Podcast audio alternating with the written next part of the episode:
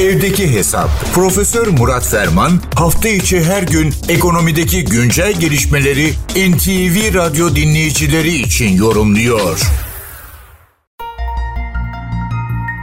Felaketin üçüncü gününde tabi kurtarma çalışmaları devam ediyor. Bu çerçevede afet bölgesinde mücbir sebep ilanı nedeniyle vergilerinde ertelendiğine dair bir düzenleme açıklandı.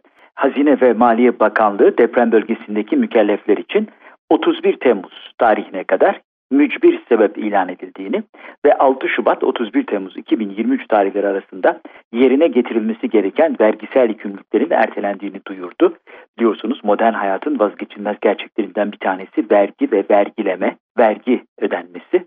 Bu çerçevede özellikle deprem gibi büyük kayıplar meydana geldiğinde hem buna müdahale edilmesi hem de sonradan zarar ve ziyanın yerine konulması, tazmin edilmesi bakımından vergi çok önemli, ön plana çıkıyor. Nitekim son günlerde bu deprem vergisi tırnak içinde olarak adlandırılan mesele de gündeme getiriliyor. Tabii bu konuda her türlü tartışma, her türlü görüş saygı duyulmalı, kabul edilmeli. Herkesin bu konuda belirli görüşleri bildirme veya ifade etme ya da savunma hakkı kutsaldır. Çünkü vergisiyle biliyorsunuz kendisini iradeye bağlayan bir yapıdan bahsediyoruz. Hani vergi binalarının üstünde de ne yazar? İradesiyle kendisini vergilendiren halk millettir. Şimdi bu çerçevede teknik bir noktayı belki hatırlatmakta fayda var. Vergilerde, vergi hukukunda esas neden ayrılmazlık ve ademi tahsis ilkeleridir. Burada neden bahsediyoruz? Vergiler herhangi bir özel amaç için kullanılmazlar, toplanamazlar. Dolayısıyla tırnak içinde deprem vergisi denilen o dönemde popülerleştirilmiş bir kavramdır. Yoksa deprem vergisinden kasıt genelde özel iletişim vergisi 1999 Kocaeli depreminden sonraki vergi olarak adlandırılır ki o da tek başına doğru ve yeterli değildir.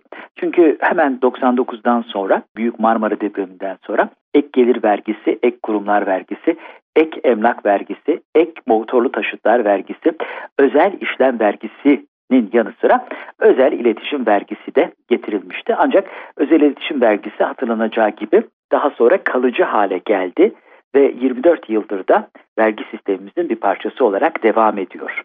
Ama ademe tahsis ilkesi uyarınca e, örneğin deprem vergisi olamaz. Bütün vergiler bir havuzda toplanır. Sonra oradan harcama yapılır.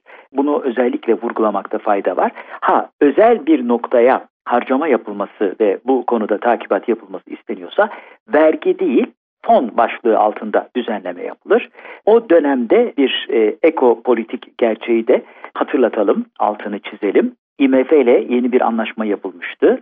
IMF kamu maliyesinin güçlendirilmesini istiyordu. Vergilerde yeni açılma ihtiyaç vardı, arttırma ihtiyaç vardı. İşte o dönemin bu milli birlik ve beraberlik ruhu çerçevesinde hani depremin yaralarını beraber saralım argümanıyla böyle bir başlık uygun görüldü, benimsendi ve basının da katkısıyla bu şekilde akıllarda yer etti. Yoksa dediğim gibi teknik bakımdan doğru bir ifade olmamak gerekir. Tabii şunu da vurgulamakta fayda var. Netice itibariyle vergiler bir havuzda toplanır ve bu havuzdan harcama yapılır. İşte ayrılmazlık ilkesi de demin söylediğimiz bu gerçeğin bir başka şekilde ifadesinden ibarettir. Son bir not, borsa dün yapılan ileri saatlerde, saat akşam saatlerinde yapılan bir açıklamayla 5 gün boyunca kapatıldı ve dünkü işlemlerinde iptal edildiği açıklandı. Bu konuda daha sonra değerlendirme ve yorum hakkımızı saklı tutmak kaydıyla değerli dinleyenlerimize katma değeri yüksek ve yüksek katma değerli bir gün diliyor. Huzurlarınızdan hürmetlerle ayrılıyorum. Profesör Murat Ferman'la evdeki hesap sona erdi.